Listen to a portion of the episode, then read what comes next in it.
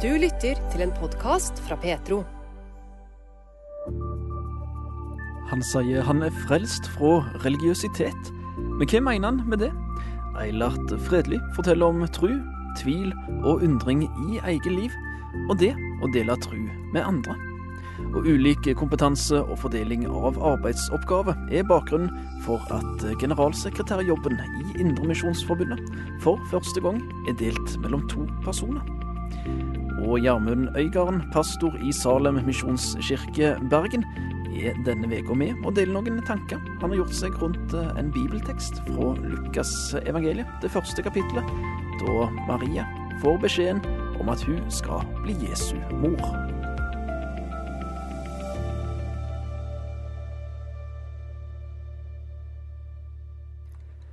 Dette er noen av overskriftene i denne ukens Petro-uken oppsummert for uke 15. Du skal òg få høre om The Send.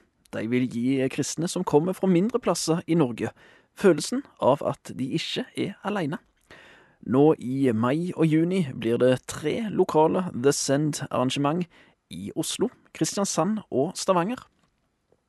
25. juni i 2022 var det flere titalls kirkesamfunn og misjonsorganisasjoner som sto sammen om arrangementet The Send, som samla nesten 10 000 i Telenor Arena i Oslo.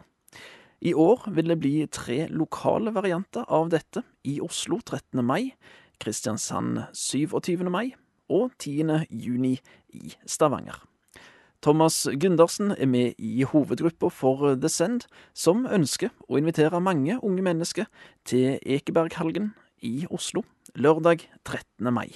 Det vi gjør, er jo det samme. Det handler jo om å invitere først og fremst unge mennesker til å leve helhjerta for Jesus, og til å ta troa på alvor og bli invitert og utfordra til å ja, til å rett og slett la, la troen få kropp eh, og føre til handling. Og at man også har oppfølging, eh, sånn at man blir fulgt opp i etterkant.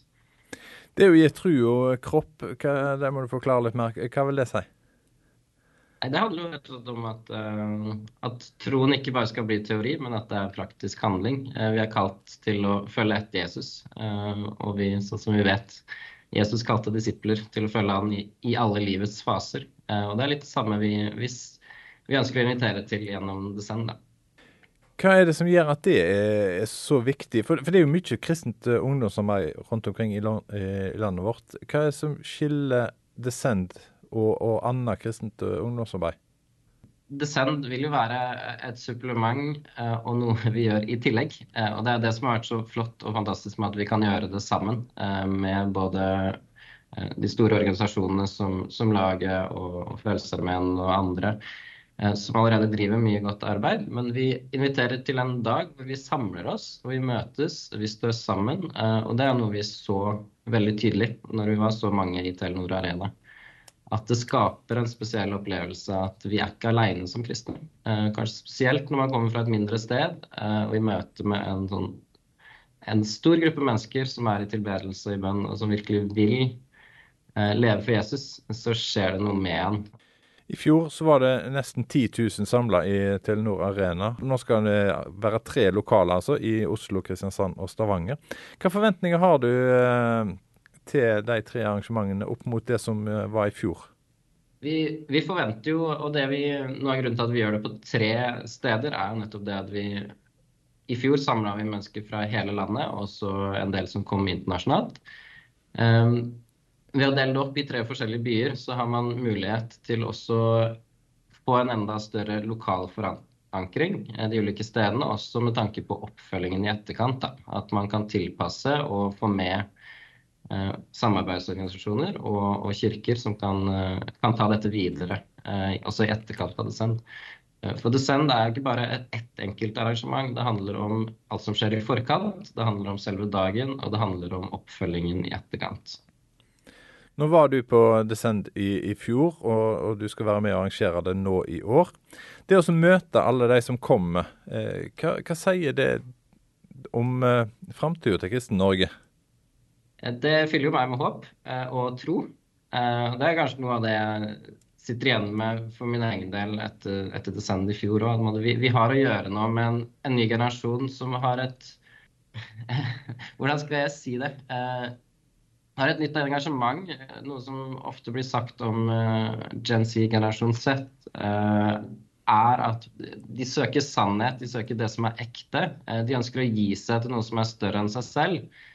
og vi tror at Jesus er det ultimate svaret på det, å gi seg inn i menighet og inn i å dele tro og leve, leve et liv med Jesus der man ikke er, skammer seg over evangeliet eller er redd for å dele, er redd for å gi videre det Gud har gitt oss de meg håp eh, og møte, møte, den unge generasjonen.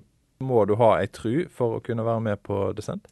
Nei, og det så vi jo, så vi jo i fjor. Eh, at det var um, vi, vi, inviterer jo på flere Eller vi, gjennom dagen Vi, vi samla tolv timer i fjor.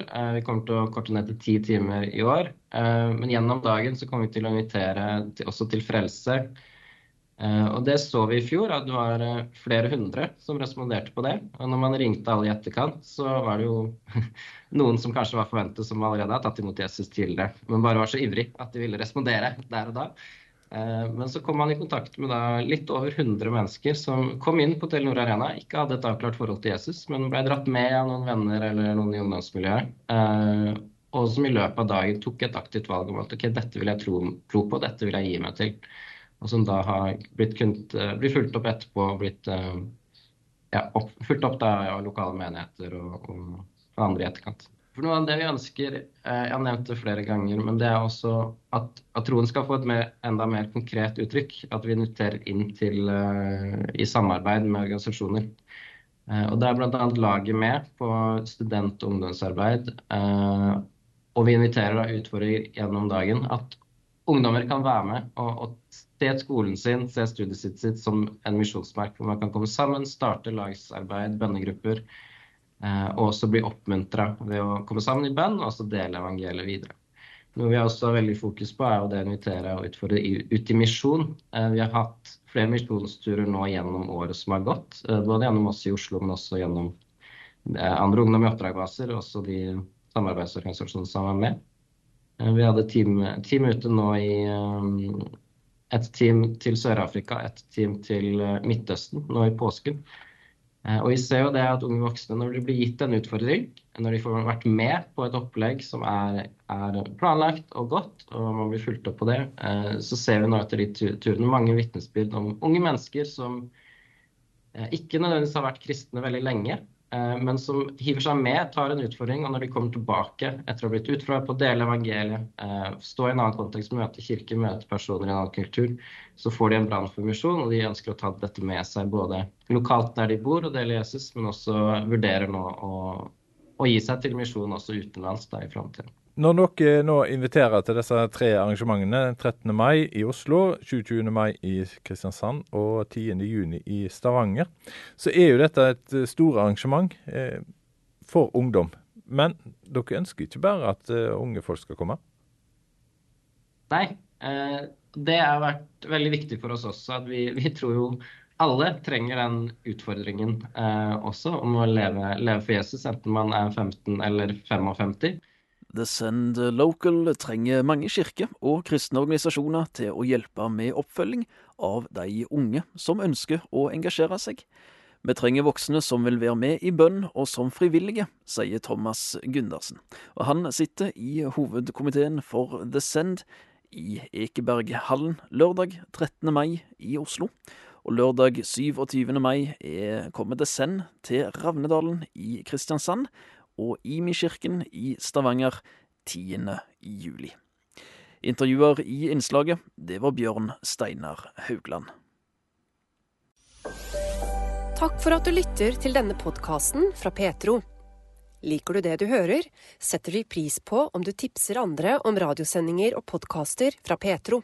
Du finner oss på DAB, og både radiosendinger og podkaster er tilgjengelige i Petro-appen, som enkelt lastes ned fra Google Play eller AppStore. 1. mars i år fikk Indremisjonsforbundet to ledere til jobben som generalsekretær. Anja Ulveseth Heggen har det daglige ansvaret, og Runar Landro er øverste leder med det åndelige ansvaret. Indremisjonsforbundet har hovedkontor i Øygarden kommune utenfor Bergen, og har arbeid i store deler av Norge. Da tidligere generalsekretær Erik Furnes slutta i stillingen, vedtok styret i Indremisjonsforbundet at denne lederjobben skulle deles mellom to. Dette for å få mer fokus på ledelse og utnytte kompetansen, sier Anja Ulveseth Heggen. Akkurat nå var kanskje behovet for Indremisjonsforbundet eh, er å få inn eh, nettopp og ha litt sånn tyngde, satse på ledelse. Vi har ulik kompetanse. Og hva trenger Indremisjonsforbundet nå? For det første så er det jo litt sånn praktisk at jeg er her eh, på Sotra. Jeg er på kontoret hver dag med gjengen og bygger relasjoner og på en måte kunne kjenne litt på kroppen hvordan, hvordan eh, ting skal gjøres, eh, hva endringer som kanskje må til, og ha et mer samspill både i ledergruppa og de ansatte for øvrig. Men Runa sin kompetanse går jo mer på, på organisasjonen utad, på strukturer, på ja, Runa kjenner jo organisasjonen veldig eh, godt. Og, og, har en kompetanse som òg Indremisjonsforbundet trenger nå. Så det handler vel litt om å eh, jeg, jeg, vil jo ikke tro at det vil være en duo som leder Indremisjonsforbundet for all framtid, men akkurat nå var det det organisasjonen trengte. Så det er vel derfor. Eh, men det må jo være fullt mulig for en som kommer etterpå å kunne ha en sånn jobb alene, uten at det skal ta all tid, og at den skal være en sånn super supermenneske som skal kunne alt. Den, den personen finnes jo ikke.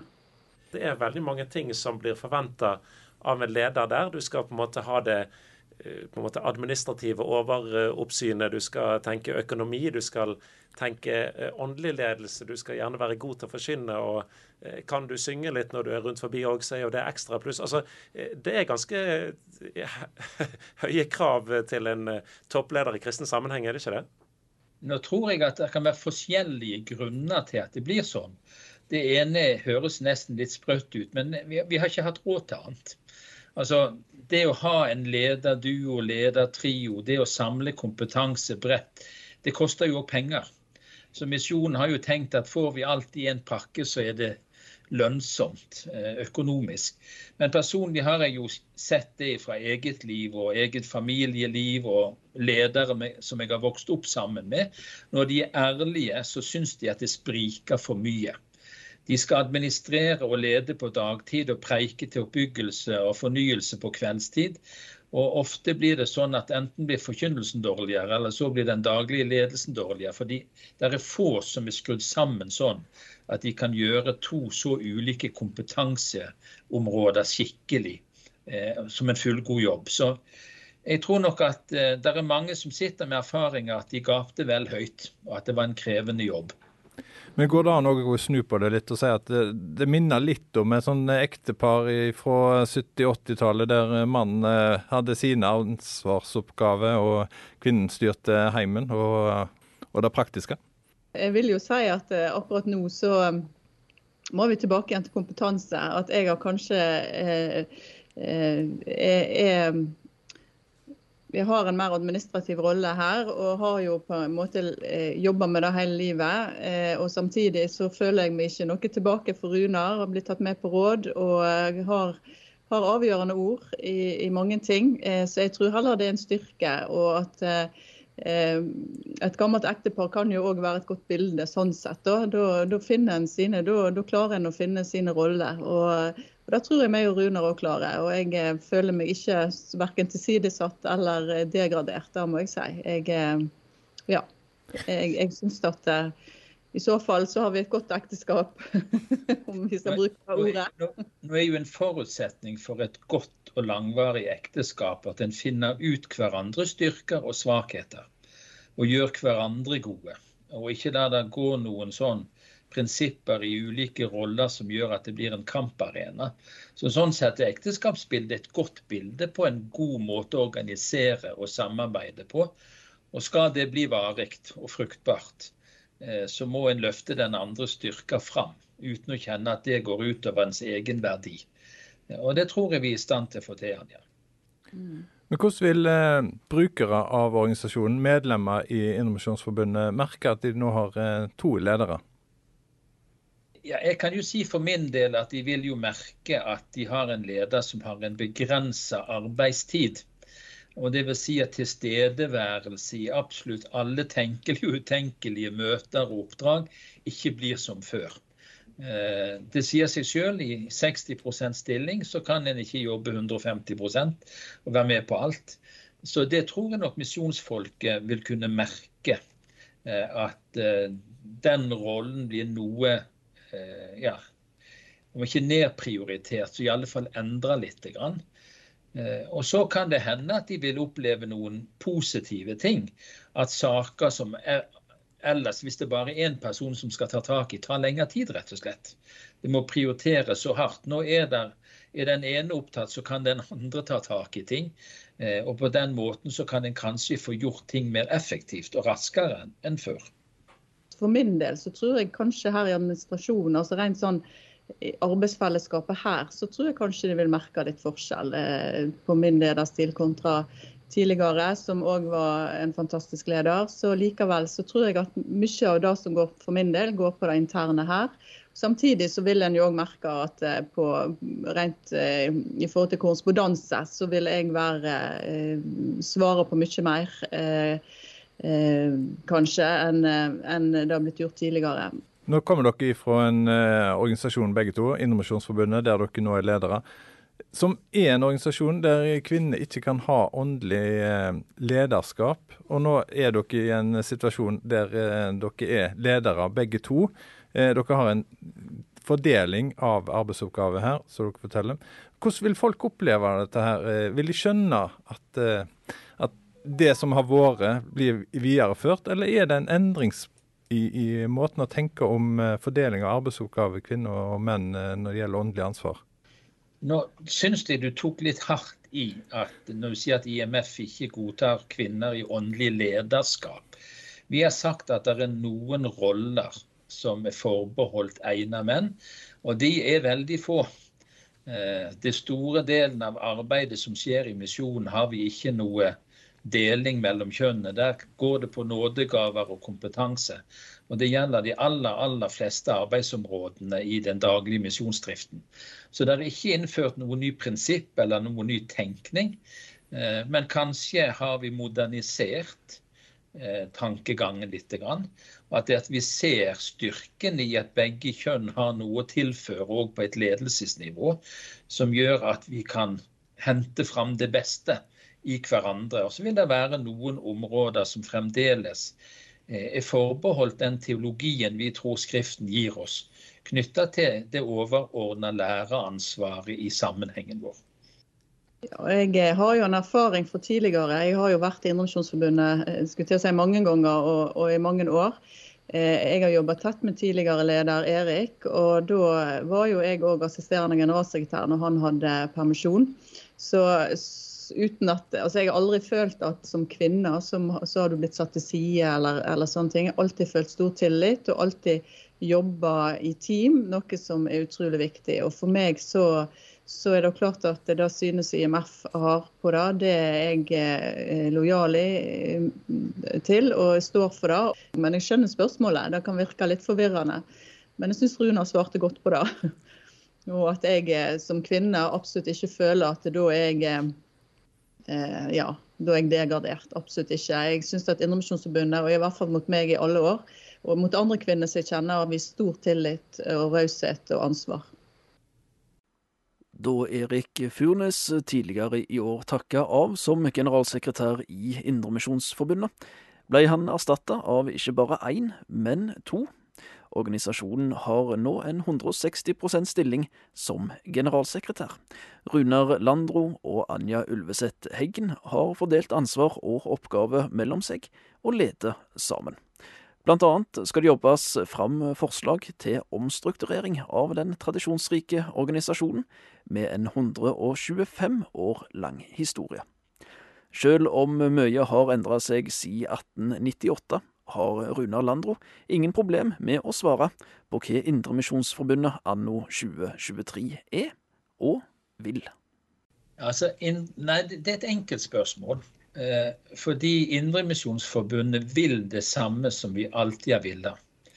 Vi har som motto med Guds ord til folket vi tror at Guds ord er livgivende, skapende, fornyende, forfriskende. Eh, en rettesnor for både lære og liv og det sunne, gode livet.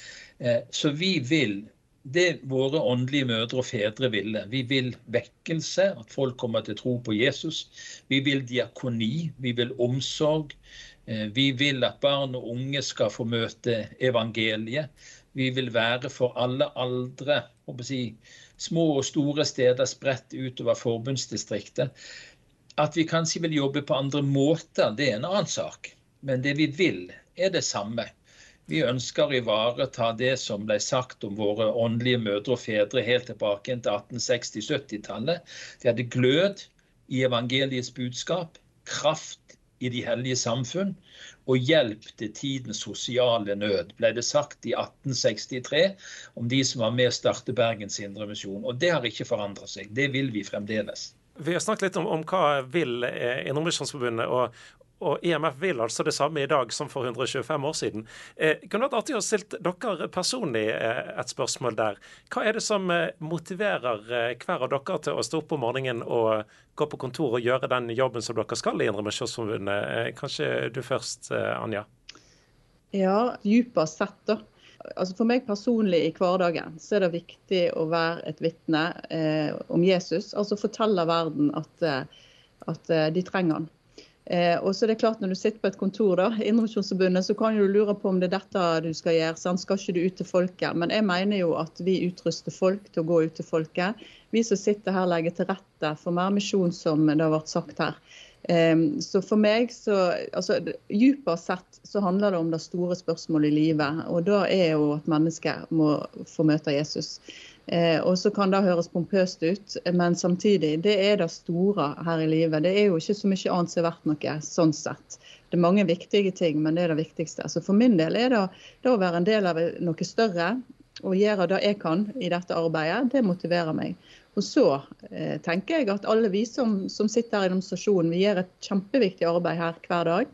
Men så, når vi går ut denne døra, så slutter det ikke der. Da går vi ut, og så er vi den vi er. Eh, og som vi òg eh, jobber med her, da må vi ut til det folket som vi ønsker nå. Hver på vår plass. Om det er på idrettsplassen, eller om det er i FAU, eller om det er ja, i, menigheten, eh, om det er på ishockeykamp. Altså, det, er det, store, det viktigste i livet. Det skal få preg av alt vi gjør, både armer, føtter, ord og tankegang. Um, så det motiverer meg til å stå opp, være en del av dette fellesskapet, lederteamet. Så motiverer meg til å gå ut der folk er. Eh, kjenner du det igjen i det, eh, Runar, altså at det er på en måte litt den samme motivasjonen både for skal vi si, jobb, jobben og, og eh, andre ting en driver på med? Altså, Det er vel vanskelig i denne type arbeid å skille mellom jobb og fritid. Altså, Du må være hel ved. Du må være den du er på jobb. Den må du være hjemme. Den må du være i relasjonene. Og, og hvis troen på Jesus betyr noe, så må det farge hele livet. Eh, det er, ikke, det er, ikke, sånn at jeg tar på meg en lederrolle og en kristenrolle når jeg er på kontoret, og så går jeg ut av den seinere. Men for meg så er det motivasjonen. Altså, Jeg vet at mennesket ikke lever av brød alene. Jeg vet at vi trenger mer. Hva var det Ole Pausen sa? det? Vi har alt, men det er alt vi har. Eh, vi, vi trenger en himmel over livet. Vi trenger en frelser. For å få den himmelen over livet, det trenger vi alle. Så selve misjonsoppdraget, det kallet som jeg opplevde som ganske ung, det har vært bankende og, og levende gjennom et, et etter hvert ganske langt liv. Og det er fremdeles det som motiverer til ganske tøffe arbeidsdager innimellom. Og krevende oppgaver, og mange fantastiske oppgaver innimellom. Men, men det har ikke forandra seg. Og så lenge det er der, så skal det få lov å pulsere og, og drive til å gå på jobb med glede og med pågangsmot, eh, i, ja, så lenge Gud gir styrke til det. Du har hørt Runar Landro og Anja Ulveseth Heggen, som sammen skal lede Indremisjonsforbundet de neste årene. Intervjuere i innslaget var Bjørn Inge Sagstad og Bjørn Steinar Haugland. Petro har mange ulike podkaster og serier. Samlivsskolen gir råd og tips til par. I Pastoren og Journalisten prøver vi å finne ut hvorfor mange unge forlater menigheten i overgangen til voksenlivet. Og i Petro-gjesten får du høre livs- og troshistorien til en lang rekke spennende mennesker. Ekte og ærlig. Du finner alt i Petro-appen, på petro.no, eller der du ellers lytter til podkaster. 37 år gamle Eilert Fredli sier at han er frelst fra religiøsitet, men hva mener han med det? Det skal vi komme tilbake til om litt. For Ellen Sørlin og Inge Kallestad fikk en avdempa prat med Eilert Fredli om tru, tvil og undring. Eilert vokste opp på Smøla på Nordmøre. Han er utdanna møbelsnekker, men jobber i dag som ungdomsarbeider i Misjonssambandet på Sør-Vestlandet. I ungdomstida kom han til Rogaland, da han begynte på en kristen videregående skole. Det var jo Tryggheim. Eller egentlig det at jeg skulle gå videregående, og så fulgte jeg bare etter dersom den forrige broren min hadde gått, da. Gikk i broderens fotspor? Ja, egentlig. Ja, Tryggheim det er altså Tryggheim videregående skole på, på Nærbø på Jæren, for de som ikke kjenner til det. Ja. Og så har du blitt her, for det, det er noen år siden du gikk på videregående? Ja, det er jo en god del år siden nå, altså. Sikkert 01 eller noe sånt. det. Ja. Jeg er litt dårlig på tall, men sånn cirka rundt der. Så ja, jeg har egentlig vært her helt siden da, og vært ett år da, på bibelskole i Fjellheim i Tromsø. Mm. Og så tilbake til Stavanger. Så tilbake igjen, ja. Du, du jobber som ungdomsarbeider i Stavanger-området, eller Sør-Vestlandet som Inge sier, da. Men hvor starta ditt møte med den kristne trua? Ja, altså jeg er jo, jeg er jo vokst opp i en kristen heim, da. Um, så der vil jeg jo egentlig si at det begynte. Og fikk uh, møte Bibelen der. Fikk uh, ja, andakter på kveldene og, og, møter som vi gikk på. Det, så jeg har fått forkynnelse liksom fra jeg var liten, da. Uh, men ja, egentlig kanskje på Tryggheim at jeg personlig fikk et møte med evangeliet. Det tror jeg jeg vil si. Um, så ja. Det, så det starta der, egentlig, da. Blir du ofte utfordra av andre, eller om du utfordrer deg sjøl til å fortelle om den kristne trua di, det som vi i dag kaller troshistorie? Ja, altså ak akkurat troshistorien er jo kanskje ikke så ofte jeg forteller, da. Jeg fortalte faktisk uh, for i, i sist uke til en liten gruppe, da. Men uh, uh, ja. Men det å vitne sånn i hele tatt, det er jo noe som jeg ja, trives med og, og liker. Egentlig å snakke med folk som ikke tror på Jesus, og, eh, og folk generelt, egentlig, altså kristne òg, til å snakke om Jesus. Det er jo det, er jo, ja, det, er jo det hjertet vårt er knytta opp til. Så det, ja. Du sier dette med kristentrua, den har vært der siden du var liten. Du vokste opp med det hjemme. Men har du alltid liksom tenkt ja, alt dette stemmer, det går på skinner å være kristen, eller har du slitt med dette med tvil og lurt på ting, du òg, eller? Ja, jeg har, jeg har, jo kjent på tvil. Kanskje, altså, kanskje, mest Ikke i forhold til om, om Gud eksisterer og Jesus uh, har dødd på korset. Og, altså det, det kanskje mer liksom vært i forhold til om jeg er frelst, liksom. Sant? Altså den, den sida av det. Og det er kanskje noe jeg er vant med. Og det, altså, litt det der å se på Gud som dommer, det er på en måte noe jeg har hørt veldig mye av. Om du liksom innenfor eller utenfor, innenfor eller utenfor. Og på en måte den usikkerheten der og da, å dvele rundt det, på en måte, det, det er jo noe jeg er litt sånn vant med. på en måte, så Kanskje Gud som far, og, og, og også flere perspektiver på det, da, som jeg kanskje har ja, har litt sånn mangelsykdom av, kan du kanskje kalle det. Hvordan har du kommet til rette med det når du nå er 37 år? Nei, altså det er jo bare at jeg måtte ha søkt inn i det. Altså på en måte bare ja, altså grave i Bibelen. Aha. Be. Eh, ja. Hva fant du da? Å snakke med folk òg. Ja, riktig. Ja. Nei, altså eh, jeg fortsatt ikke på en måte Altså det fortsatte der f.eks. farsaspektet av Gud, som jeg, jeg kjenner at det kan kan være vanskelig for meg å faktisk eh, forstå dybden av, eller på en måte Ja, jeg vet ikke hva jeg skal si. Altså leve i. Så, så det er flere av de tingene jeg på en måte fortsatt tenker liksom eh, Der vil jeg leite mer, liksom. Men eh, ja. Nei, i samtale med folk òg, så har jeg jo på en måte fått korrigert tanker osv. Så videre, så det, og erfaringer i livet òg er jo med på en måte å, å formen. Så det ja. Du, du, sa til meg før intervjuet nå, når jeg hadde en prat med deg, eh, at eh, jeg opplever meg frelst fra religiøsitet. Stemmer det. Eh, hva legger du i det? Nei, det, altså der legger jeg at uh, jeg har uh, Jeg har hatt veldig strenge rammer, prinsipper og sånt, som jeg på en måte dømmer ut ifra. Og, og, for meg så, til syvende og sist, så vil jeg på en måte nå i retroperspektiv tenke at jeg egentlig var fanga i noe religiøst. Um, og jeg målte veldig folk ut ifra det òg. Um, ehm, så jeg hadde på en måte en del prinsipper som Når jeg møtte mennesker, så dømte jeg dem ut ifra det. Um, og det ser jeg at på mange måter har vært mine prinsipper, eller ting som jeg har tatt i med meg fra tradisjon, eller, eller sånne ting, og ikke nødvendigvis bibelske prinsipper, hvis du skjønner. Eh, og så veit jeg ikke hvor mye kjærlighet det kanskje heller har vært i det, da. For det står jo selvfølgelig skal vi være sanne, så det, det står det jo om at det er sannheten, tro og kjærlighet, da. Men jeg tror kanskje at det ble noe veldig hardt i det.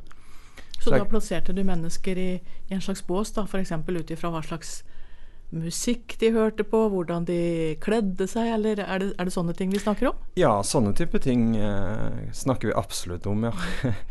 så det jeg, jeg kunne hvis jeg hadde møtt deg eh, i den tida der, um, og, og, jeg på en måte forsto hva du eh, tenkte om musikk eller sånn og sånn, så, så ville jeg fort tenkt ut ifra det om du kjente Jesus eller ikke. Det hadde jeg veldig fort gjort, da. Um, og, det, og nå kom jeg på en ting, da, at hvis det, hvis det er noen fra den tida der som hører på, så vil jeg bare si beklager. Fordi at uh, ja, jeg kan ha tråkka på mennesker. Jeg kan ha Ja, jeg kan, jeg kan ha ført dem inn i uh, dumme ting. Så det Ja. Det er viktig å møte mennesker med et åpent sinn. Det er kanskje det du egentlig sier i dag? Ja. Og spesielt Ja, ja det vil jeg tenke. Men hva var det som gjorde at du kom til den erkjennelsen som du nå uh, snakker om? Ja, det kan jeg kanskje ikke si at jeg har en sånn helt sånn konkret uh, hendelse på, eller noe sånt. Så det, det er på en måte mer uh, Ja. Altså, det, det, er mer reisen jeg har vært på, egentlig, som jeg ser at Jeg ser nå i hvert fall i retroperspektiv at det, det som jeg var borti der, det var nok religiøse krefter. Og ting som dro meg bort fra Jesus òg, egentlig, altså. Um, ja. En del av trusreiser, kan man si? det? Ja, det tror jeg vi kan si, ja. En, en, del av reisen med Jesus, egentlig. Og det å bli mer lik han, sånn som jeg oppfatter det for min egen del. Du, uh, men hvis jeg spør deg eh, Det er et stort spørsmål, men hvis jeg spør deg hva betyr Jesus for deg i dag? Hva er det første du kan komme på? da? Sånn? Altså det, Peter har jo en bekjennelse. Altså, hvor, Disippelen Peter. Ja, disippelen Peter. Hvor skal vi gå henne? Altså, hvor skal vi gå henne hvis vi ikke skal gå til deg, Jesus? Og det er det samme kjenner jeg meg igjen i. Jeg har, ikke, jeg har absolutt ingenting hvis ikke jeg har Jesus. Og det Ja, så han er livet mitt. Og han er meninga med livet mitt. Han, ja, altså han er frelsen min, det er én ting, men han er livet mitt òg. For han er det evige livet. Sånn at uh, uten han så er det Tar han imot deg både på gode og dårlige dager? Det gjør han. og kanskje de dårlige dagene er særlig bra for meg òg. At det leder meg faktisk nærmere Jesus. da. Lidelse og, og, og, det onde, på en måte, kan faktisk dytte oss nært Jesus og tvinge oss inn der. Det, sånn opplever jeg det, altså. At det er kanskje mye av det som former, ja, former hjertet mitt, og, og, på en måte der Jesus får jobbe med det. Og, ja. Det sa Eilert Fredly i jobben hans som ungdomsarbeider handler det om et tema som opptar han sterkt, nemlig det å dele tru med andre. Eilert er utdanna møbelsnekker, men jobber i dag med å dele tru med andre mennesker, som ungdomsarbeider i Misjonssambandet på Sør-Vestlandet. Men hvorfor skal kristne prakke budskapet fra Bibelen på andre mennesker i vår tid? Nei, jeg tenker jo at det er viktig å ikke prake på, da. Ja. Det tenker jeg jo. Mm -hmm. Første eh, tanke. Eh, sånn at eh, Jeg vil heller kanskje tenke at eh, Ja, vi vi bør ha nød for, for mennesker som ikke kjenner Jesus. Og, og, og, og, at det kanskje merkes på oss da, av dem, av dem som ikke tror på Jesus. Um, at vi har et hjerte for dem, uh, sånn som Jesus har. Um, ja.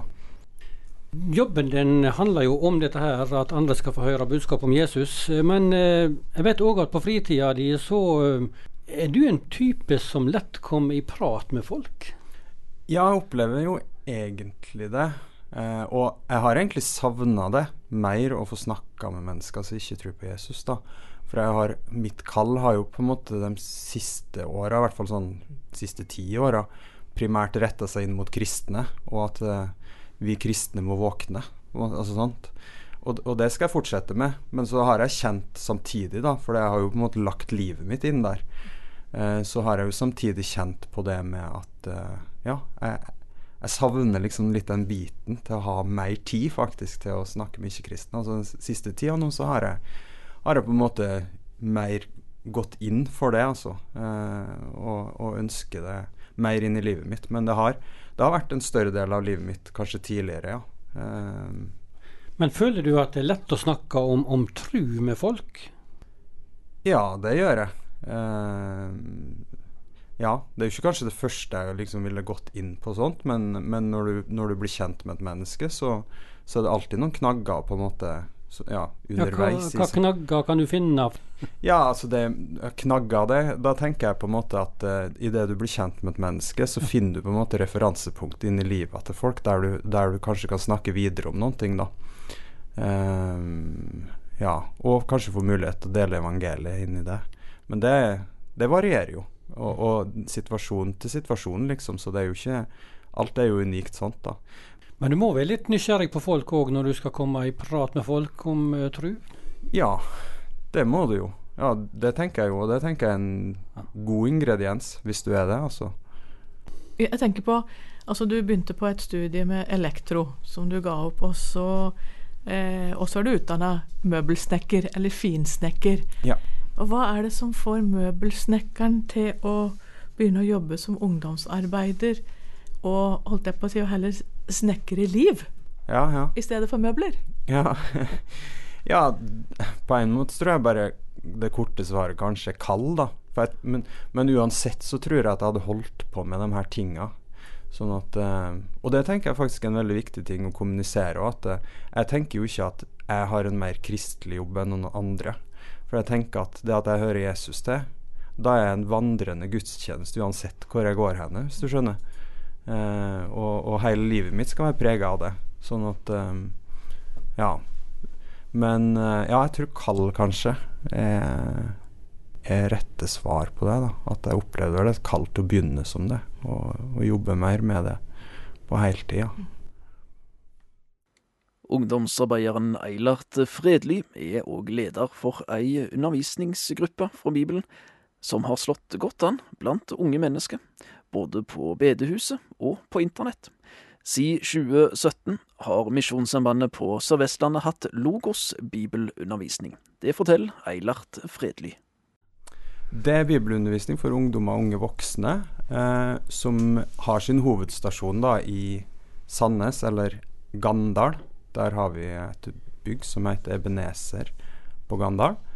Eh, og der eh, har vi undervisning annenhver mandag i partallsuka. Og så har vi en podkast òg, da, som bygger ut ifra det her. Som når, eh, ja, når ut på nettet.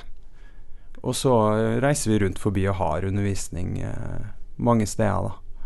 Hvor mange kan det komme på en sånn kveld med bibelundervisning på et bedehus i, Sandnes i Rogaland for tida? Nå i det siste så har vi vært rundt uh, eh, 130, tror jeg vil si. Ja.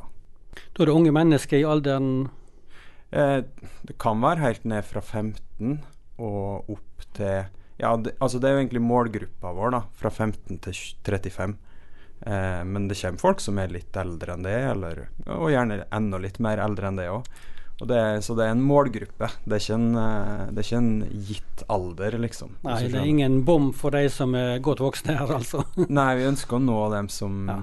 Altså Poenget med målgruppa er at vi ønsker å nå dem som eh, ja, neste generasjon med evangeliet til stadighet. Det er tanken.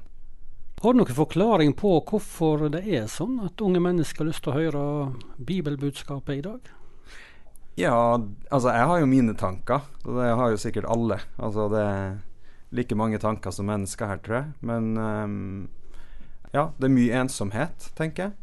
Det er én faktor. Um, og det mangler forbilder, tror jeg, da, på mange måter. Mange av dem som vi møter, mangler voksne forbilder for hvordan følge Jesus, egentlig. Hvordan leve Jesuslivet. Uh, og så tror jeg òg mange av dem har opplever fasader og er litt sånn lei av det. Og, og trenger å komme ut i frisk luft. Eh, så én ting er jo på en måte det vi snakker om med fasader på nett. Men jeg møter det jo på en måte eh, kanskje i menighetsliv. Eh, og overalt. Så det, der tror jeg egentlig det er en nøkkel. da Det der til å faktisk snakke åpent og ærlig om livet. Og, og ja, komme tett inn på folk sånn, altså responsen Du har sagt litt tidligere i timen, men si litt mer om eh, responsen. og Er du overraska over at det har slått så bra, bra, an? For dette har slått godt an, skjønner jeg? Ja, både ja og nei. Jeg er overraska. Eh, men ja, det har slått veldig godt an. Og det er podkasten òg, som vi Altså vi har, jo, vi har jo fysisk samling, da, som, som jeg eh, har sagt i Sandnes. og der spiller vi inn undervisning, òg, og så legger vi ut en podkast i etterkant. Og der òg får vi ekstremt med respons. Eh, mange mennesker som kontakter oss eh, rundt forbi alle steder i landet. Eh, om at det forandrer livet deres, og, og, de møter Jesus, og de får hjelp eh, i det ene og det andre. Så, så den, den, treffer på mange måter og i mange elementer inni livet til folk. Altså, det, ja. Men hva er det dere snakker om i den podkasten som, som, treffer?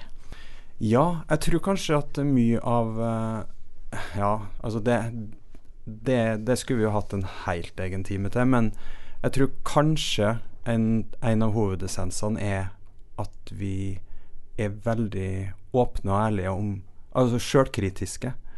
Og faktisk eh, ønsker å på en måte hva, hva problemer er det vi har? Hvor, hvordan kan vi snakke inn til oss på en måte og, og lyse evangeliet inn hos oss?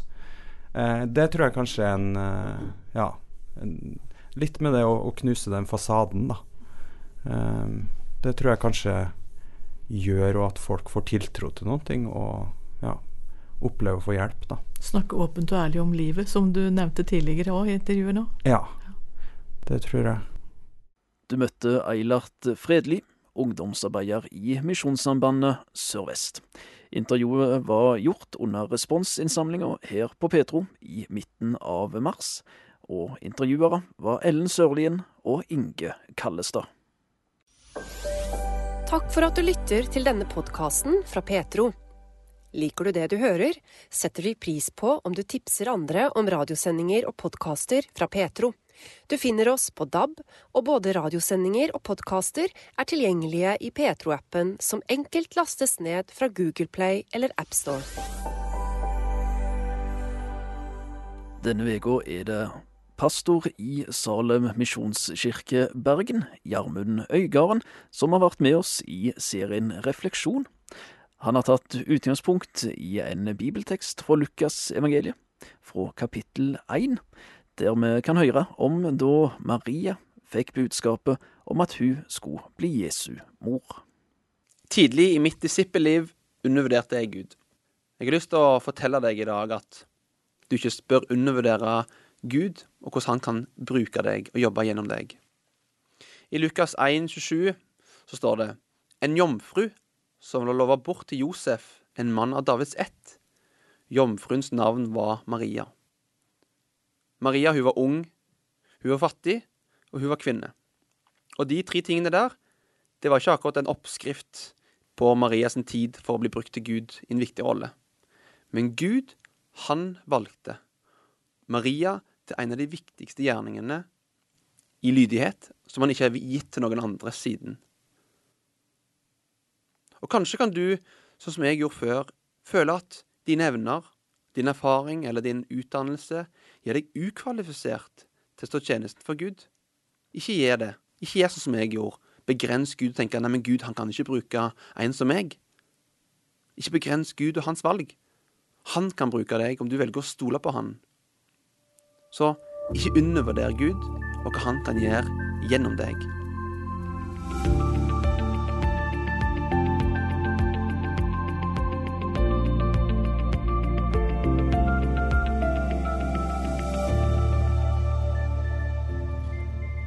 En av de beste reklamene jeg har hørt på radioen, er Kvadrat. Du leiter ikke, du finner. Ja, du leiter ikke, du finner. Det er en flott reklame. Men hør hva engelen sier til Maria i Lukas 1,30. Frykt ikke, Maria, for du har funnet nåde hos Gud. Maria hadde funnet nåde hos Gud. Og Maria hun måtte, som mange av oss, gjennom mye tøft og vondt. Og Mest av dette er fordi hun ble mor til Jesus. Og liksom Kronen på verket var at Jesus måtte dø på et kors. Han måtte bli avvist og drept. Og det måtte vært forferdelig vondt for Maria. Men, men gjennom denne lidelsen så skulle hennes sønn bli verdens eneste håp. Og gjennom dette så er det grunnen til at Maria blir løfta fram i generasjoner som en ung kvinne som fant nåde hos Gud. Har du funnet nåde hos Gud? Har du fått ta imot Guds nåde? Sagt ja til Jesus i ditt hjerte? Sagt ditt ja til Han? Da vil du som Maria være velsigna, for du har tatt imot Guds nåde. Og Kanskje lytter du nå, og du har ikke funnet nåde hos Gud, men kanskje du ønsker det? Du ønsker å si ditt ja til Jesus? Ja, kan du be sammen med meg nå, hvis du vil? Jesus, takk for at jeg får komme til deg. Du kjenner meg og mitt liv. Du vet jeg har gått mine egne veier. Jeg har synda mot deg og mot andre, i tanker, ord, gjerninger. Men nå angrer jeg min synd. Tilgi meg, Herre. Takk for at du døde på korset i mitt sted. Og takk at du vil være min frelser. Fra nå av vil jeg at du skal være herre i mitt liv. Amen.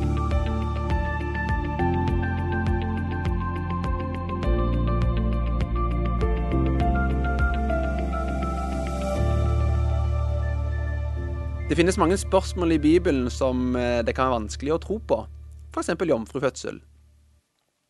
Hør hva Lukas skriver i kapittel 1 vers 34. Maria sa til engelen, hvordan skal dette kunne skje, når jeg ikke har vært sammen med noen mann? Ja, det, det er mange spørsmål i Bibelen som kan være vanskelig å tro på, f.eks. at Jesus ble født av en jomfru. Men nå skal du få tre faktorer som kanskje kan være med å gi deg en fornuftig tro på dette. For det første, Lukas han var lege, så jeg tror han visste hvordan unger blir til. Så det må ha vært minst like vanskelig for han å tro på en jomfrufødsel som meg og deg. Men Lukas, legen, han skriver dette, og han rapporterer dette som en fakta. For det andre, Lukas han var en sånn møysommelig undersøker.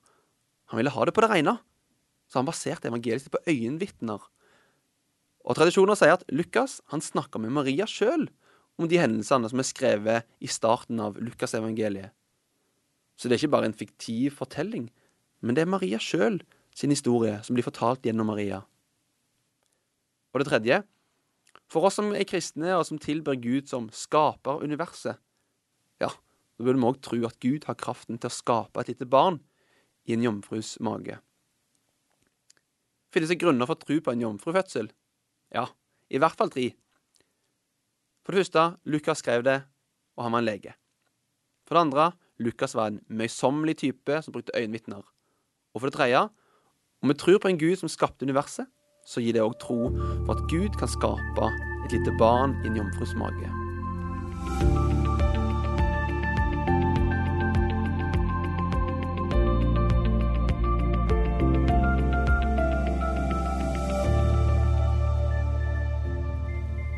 Ingenting er umulig.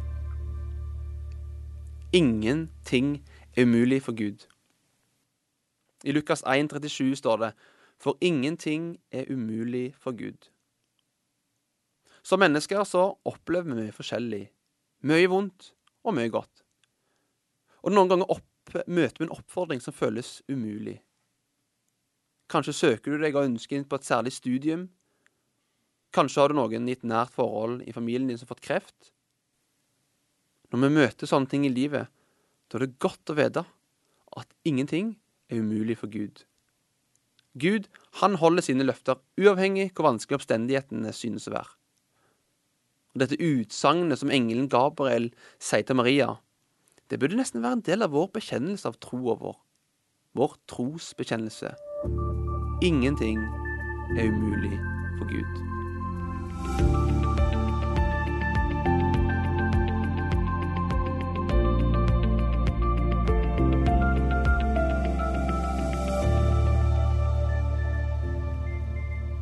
Gud ønsker å tale til deg og bruke deg. Jeg vet ikke hva du vet om Maria, mor til Jesus, men i teksten foran oss i dag så ser vi at Maria får budskap om hun skal bli mor til Jesus.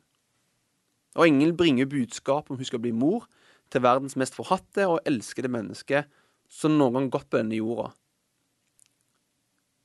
Jeg vet ikke hvordan jeg hadde reagert hvis jeg hadde fått det budskapet. Hvordan hadde du reagert? Hva hadde vært din reaksjon? La oss høre hvordan Maria reagerer i Lukas 1,38. Se, jeg er Herrens tjenestekvinne. La det skje med meg som du har sagt. Eller parafrasert og gjenfortalt med egne ord inn i våre liv. Jeg er din tjener, Gud. La det skje med meg slik du ser det best. Jeg er din tjener, Gud. La det skje med meg slik du ser det er best. Jeg er av den oppfattelsen av at jeg tror at Gud ønsker, og Gud lengter etter å tale til deg og bruke deg, slik som han brukte Maria. Men hvordan lever vi våre liv i etterfølgelsen av Jesus? Tør vi å sette oss i posisjoner og med en villighet om at Gud kan få bruke oss? Og jeg tror ikke at Gud han kaller bare de som er kvalifiserte, men at han kvalifiserer de han kaller.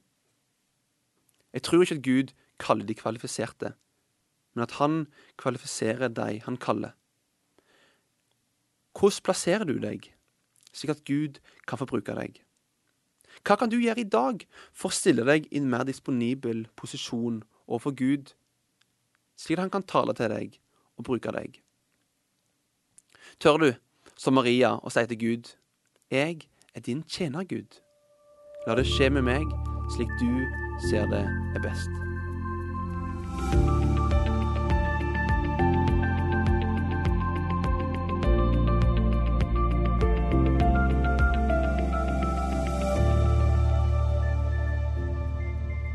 Det var Gjermund Øygarden, pastor i Salem misjonskirke Bergen, som denne uka var med oss i serien Refleksjon og delte noen tanker han hadde gjort seg ut fra Bibelen, nærmere bestemt fra Lukas evangeliet kapittel 1 og versene 26 til 38.